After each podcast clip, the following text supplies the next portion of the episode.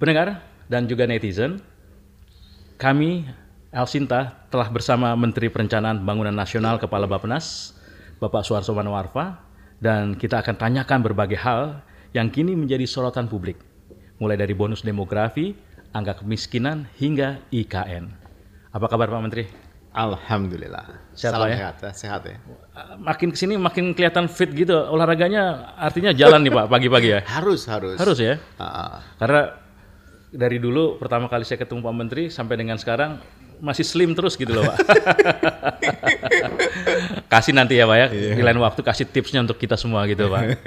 Iya Pak Menteri, belakangan ini kan menjadi sorotan mengenai apa yang kita hadapi ya Pak, bonus demografi. Ah. Nah, eh, Bappenas sebagai sebuah kementerian yang memang sangat concern memang di bidangnya, apa Pak sebenarnya yang telah disiapkan kita untuk eh, facing itu gitu? ya eh, pertama bonus demografi itu eh, dipercaya datang di sebuah bangsa itu itu dalam bergenerasi-generasi baru muncul lagi. Atau mungkin eh, hanya sekali selama eh, apa namanya kehidupan si apa sebuah bangsa. Tapi saya nggak percaya itu. Saya percaya one day pasti akan kembali lagi tapi mungkin lama sekali Iya. gitu kan Eh, apa itu bonus demografi atau apa eh, demografi eh, dividen? Itu dikatakan adalah ketika jumlah penduduk eh, usia produktif dalam hal ini usia 15 sampai 65 tahun itu lebih banyak dibandingkan usia yang belum bekerja. 0 sampai 15 dan 65 tahun ke atas karena sudah pensiun. Ya, Kalau kesehatan eh, rata-rata manusia dan life ekspektasinya juga naik, misalnya one day life ekspektasi bisa rata-rata dunia itu 90, Ya. kita nggak tahu ya, karena eh, apa, Perkembangan zaman perkembangan zaman, eh, ilmu pengetahuan, teknologi, orang bisa di apa, Produktivitasnya di panjang ya. eh, menjadi lebih kelihatan keren, muda dan seterusnya kan, Ya. gitu. Lalu usia pensiun ditunda gitu kan sampai bahkan usia 70 bahkan 75 tahun. Ya berarti kan eh, usia produktif menjadi bergeser 10 Ya. tahun. Nah, dan kemudian anak-anak mungkin sudah mulai bisa bekerja di umur 12 tahun gitu kan. Kalau memang mereka menjadi orang-orang hebat ya, karena bahasa coding sudah sampai di anak-anak pada usia eh, dini Iya, gitu kan. Eh, dan eh, digitalize sudah seper- se- kehidupan sehari-hari akan beda lagi gitu jumlahnya. Tetapi yang penting di dalam bonus eh, demografi itu yang pertama adalah apakah jumlah yang dikatakan jumlah usia jumlah penduduk usia produktif itu memang produktif Eh, gitu. Apakah memang mereka itu pada apa namanya eh, usia itu mendapatkan pekerjaan yang decent job, pekerjaan yang memadai, pekerjaan yang bisa eh, bekerja penuh dalam satu minggu dan dibayar dengan eh, apa namanya eh, tingkat pendapatan yang memadai sehingga mereka bisa membayar semua kebutuhannya. Itu kan pertanyaannya. ya, Jangan sampai kemudian benar kita punya bonus demografi, tetapi mereka tidak bekerja. hmm, Nah, benar kita punya bonus demografi, tetapi mereka tidak mendapatkan jumlah jam kerja yang eh, maksimum. Benar kita punya bonus demografi, tetapi sebagian besar mereka tidak eh, apa dibayar dengan eh, tingkat pendapatan yang memadai. Nah ini yang menurut saya eh, Ini yang dikerjakan oleh PR Bappenas ya? juga. Iya. Ya. bukan hanya dikerjakan oleh Bappenas, sama semua KL. Jadi Iya. kita desain sedemikian rupa bagaimana pada usia eh, angkatan kerja itu pertama mereka mendapatkan pekerjaan yang pas, tepat sesuai dengan eh, kapabilitasnya dan kemudian dibayar dengan baik dengan jumlah jam kerja yang eh, pas, yang benar 40 jam seminggu misalnya atau ada juga yang 48 jam seminggu ya. Dan kalau itu eh, bisa didapatkan menurut saya eh, apa bonus demografi itu menjadi efektif. Ya. Maka apa yang harus kita lakukan?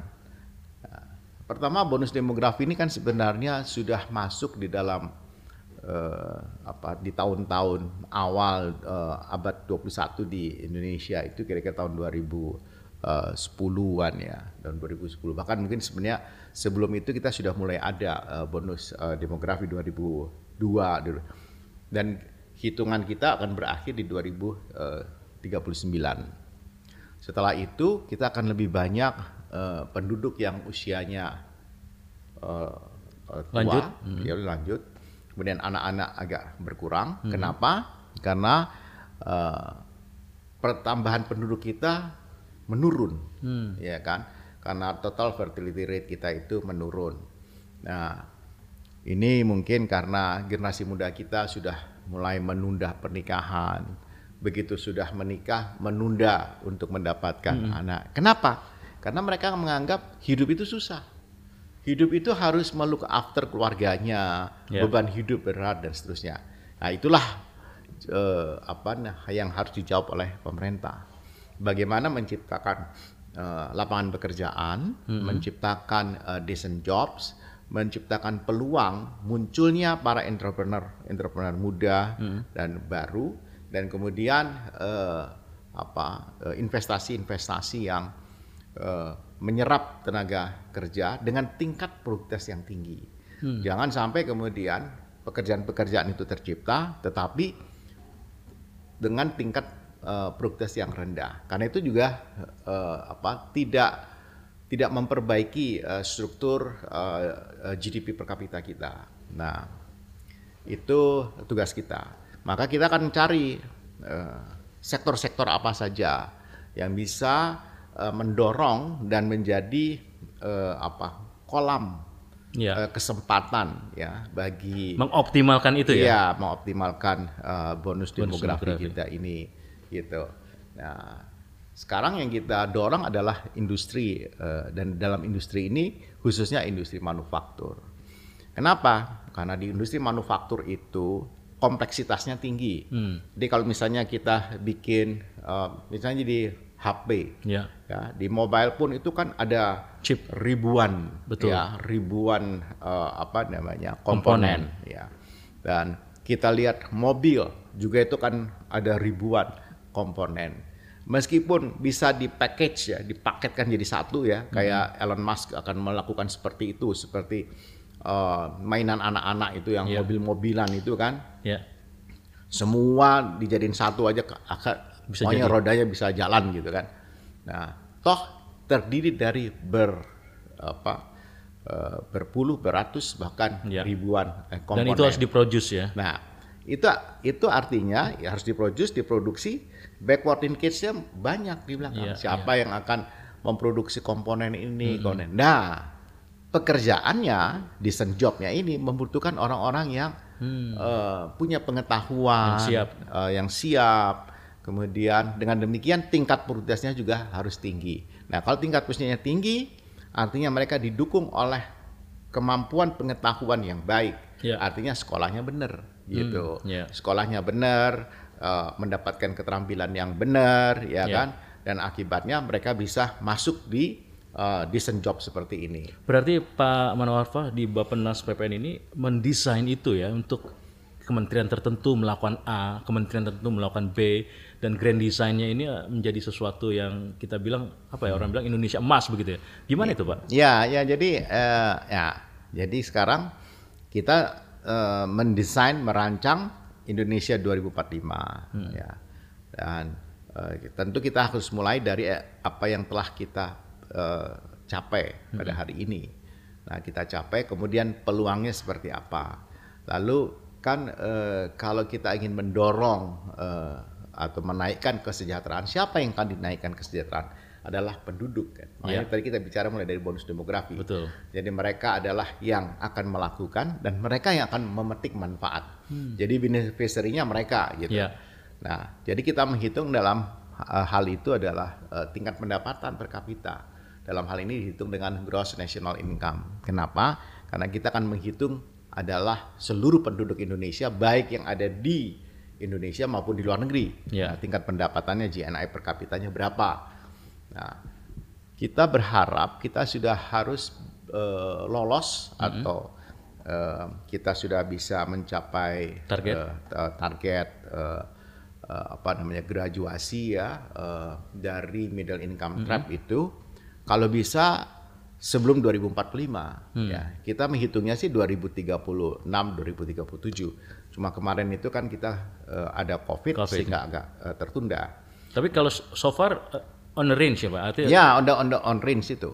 Ada yang menghitung dengan cara yang uh, sederhana. Kalau sekarang kita 4.700 US dollar gitu ya uh, per kapita GNI. Lalu uh, untuk di dua kali lipatkan itu ya menjadi 9.400 berdasarkan har- harga nominal hari ini. Kalau tumbuhnya 6% itu diperlukan waktu 12 tahun. ya. Nah, 12 tahun itu baru di 9.800 Ya. ya kan. Nah, kalau kalau kita bisa eh, lebih cepat dari itu ya 9.000 eh, 9.400 maksud saya. Ya. Yang 4.300 kali dua eh, alhamdulillah tapi tingkat pertumbuhannya pasti di atas 6%. Nah, kalau 9.400 ini juga dengan angka nominal yang sama kita tarik lagi eh, dua kali lipat berarti kira-kira sekitar 18.800 Ya. itu memerlukan waktu another 12 tahun lagi dengan rata-rata 6%. Jadi artinya itu eh, 24 tahun dari tahun 2022 itu tahun 2046. Sehingga orang bilang pesimis karena ada tingkat pertumbuhan ekonomi itu biasanya tinggi Ya. terus dia steady turun, Turun. ya kan gitu. Nah, itulah tantangan kita, challenge kita di situ. Kita ingin mendorong eh, in- apa industri manufaktur. Jadi Iya. kalau industri manufaktur itu bisa didorong dengan tingkat pertumbuhan 6 sampai 8 persen, ya kan. Ya, mudah-mudahan dia bisa naik sampai Increase. kontribusinya itu ke 25 persen terhadap GDP kita. Nah, kalau dia sudah sampai di 25 persen, ajak seperti itu, mudah-mudahan dia menjadi sumber ya eh, sumber pertumbuhan yang efektif gitu. Ya. Nah, itu yang kita harapkan eh, seperti itu. Tapi itu kan eh, juga tergantung pada tingkat pendidikan manusianya. Iya ya, tadi saya sudah Tingkat- sampaikan iya, betul. kan pendidikan. Nah sekarang on progress kira-kira on range juga nggak Pak untuk itu? Iya ya on on on range karena uh, itu kan didesain uh, kita kan hanya ingin uh, kualitas penduduk Indonesia ke depan harus kayak apa. Iya. Pertama kan harus sehat. Persis. Habis sehat cerdas, ya kan? Kemudian cerdas dia kreatif, gitu Iya. kan? Dia kreatif, kemudian dia bisa produktif, kan gitu.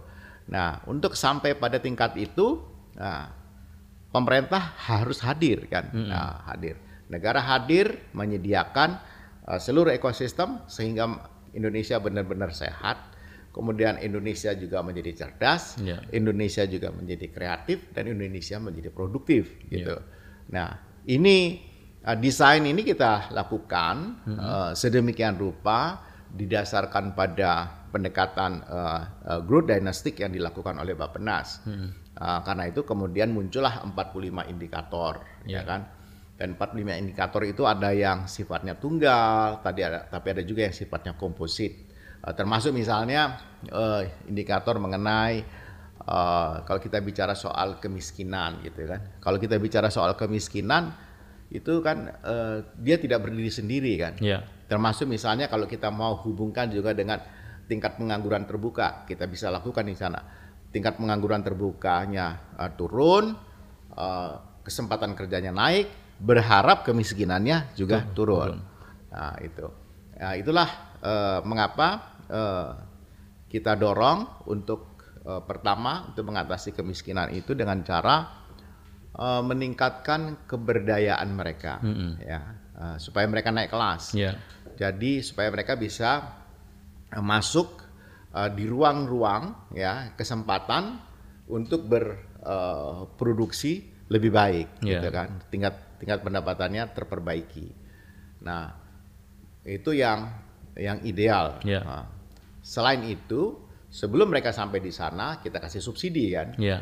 subsidinya untuk eh, pendidikan, untuk eh, kesehatan, kemudian untuk uh, kepentingan uh, rumah tangganya, hmm. misalnya untuk soal listrik, soal air dan seterusnya.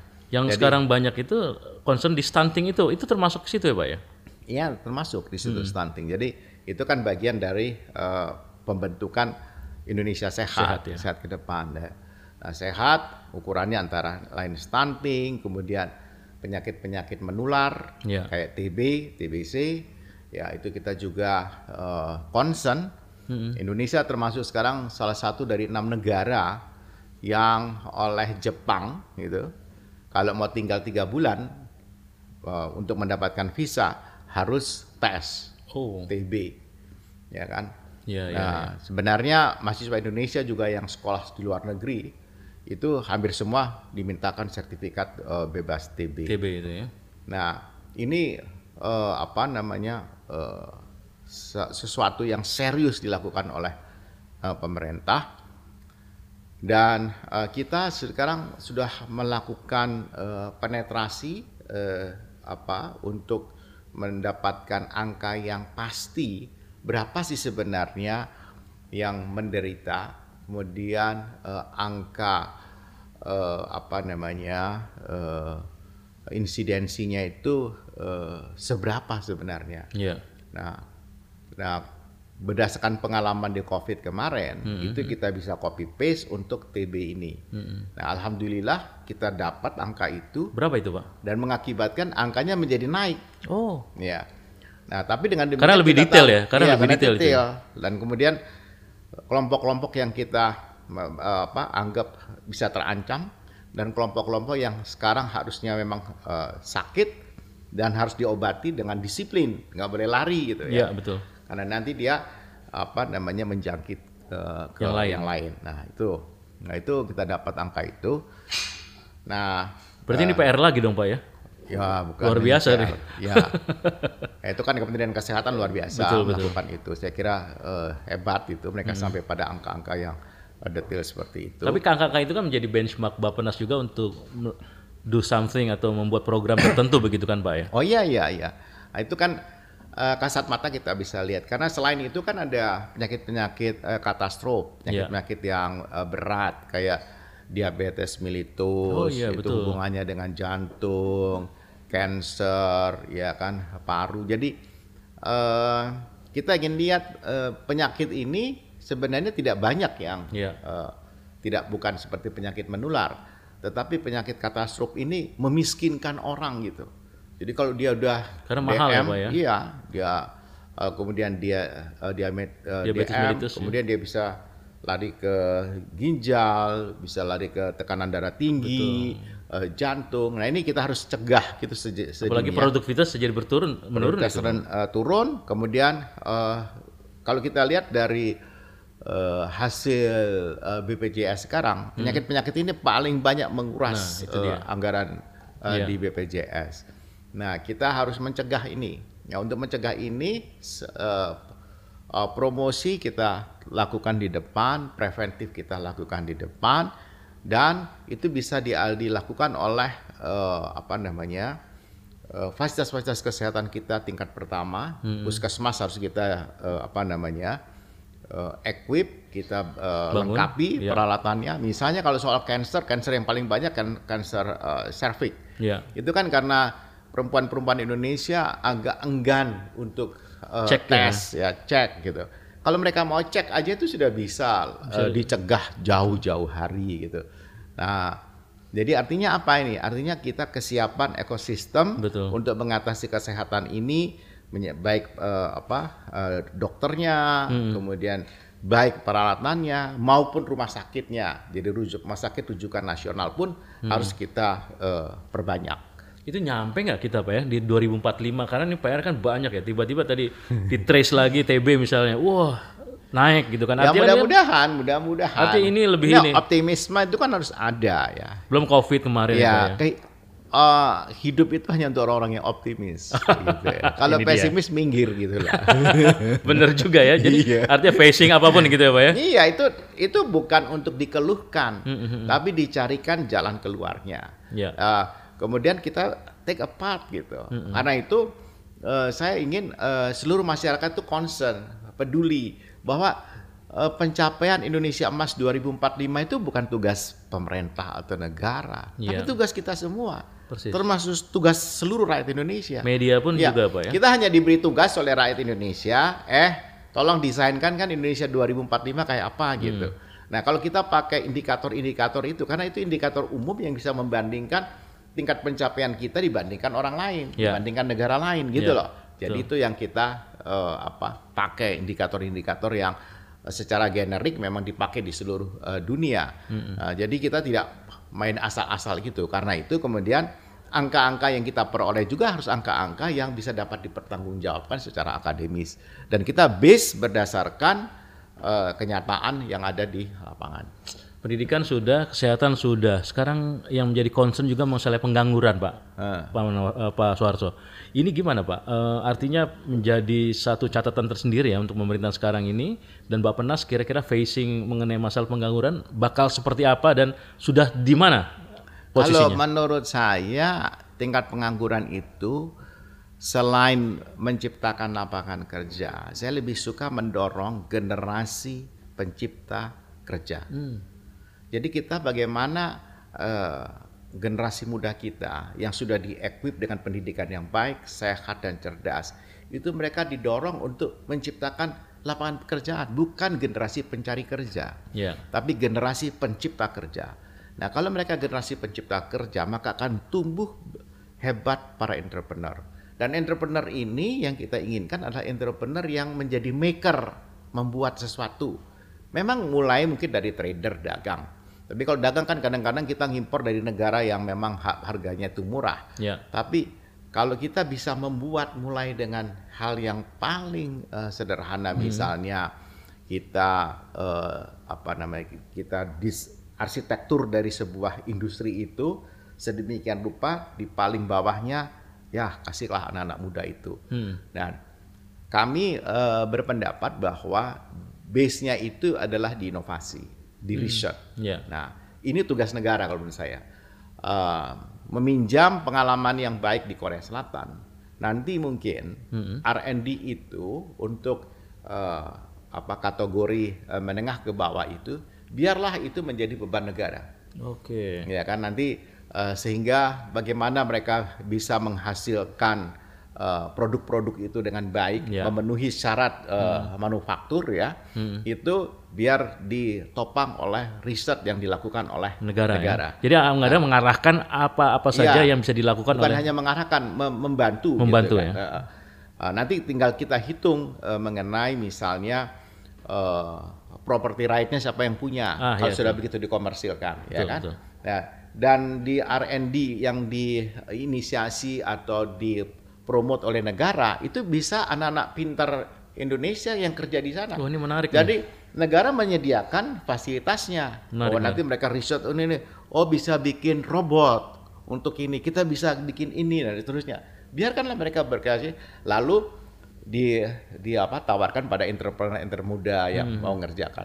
Kalau itu bisa terjadi, generasi pencipta kerja luar biasa dan bonus demografi kita menjadi eh, efektif. Saya kira itu ya eh, kuncinya.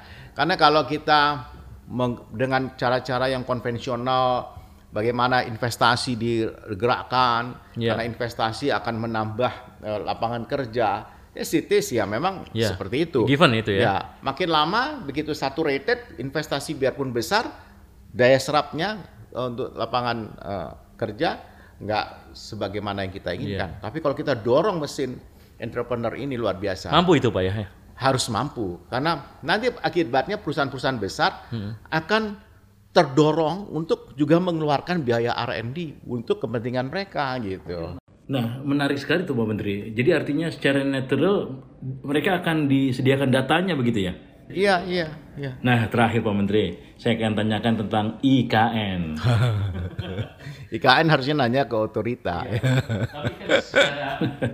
nah, bagaimana perspektif dari Pak Menteri mengenai masa depan IKN dan pembangunannya? Oh iya, ya. Ik- IKN itu menjadi salah satu pusat pertumbuhan baru yang kita create di sana. Ya, cara-cara baru bekerja, cara-cara eh, pelayanan publik eh, ke depan seperti apa, kemudian eh, desain jobs untuk di birokrasi seperti apa. itu kita uh, lakukan yang yang yang baik lah dengan yang pendekatan-pendekatan yang lebih apa masa kini gitu kan bahkan masa depan. Dan uh, uh, apa sebagai pusat pertumbuhan baru tentu dia menjanjikan menurut saya.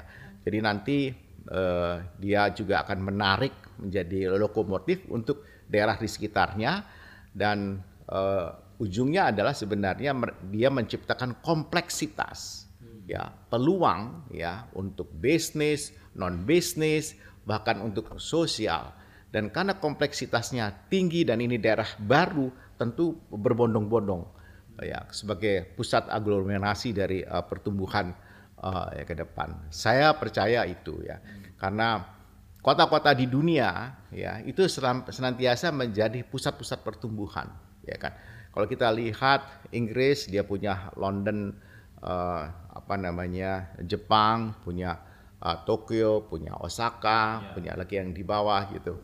Nah Indonesia sekarang memang kita punya kota kota-kota ada kota besar ada di ada Jakarta ada uh, Surabaya ada Medan, ada Medan Makassar ya.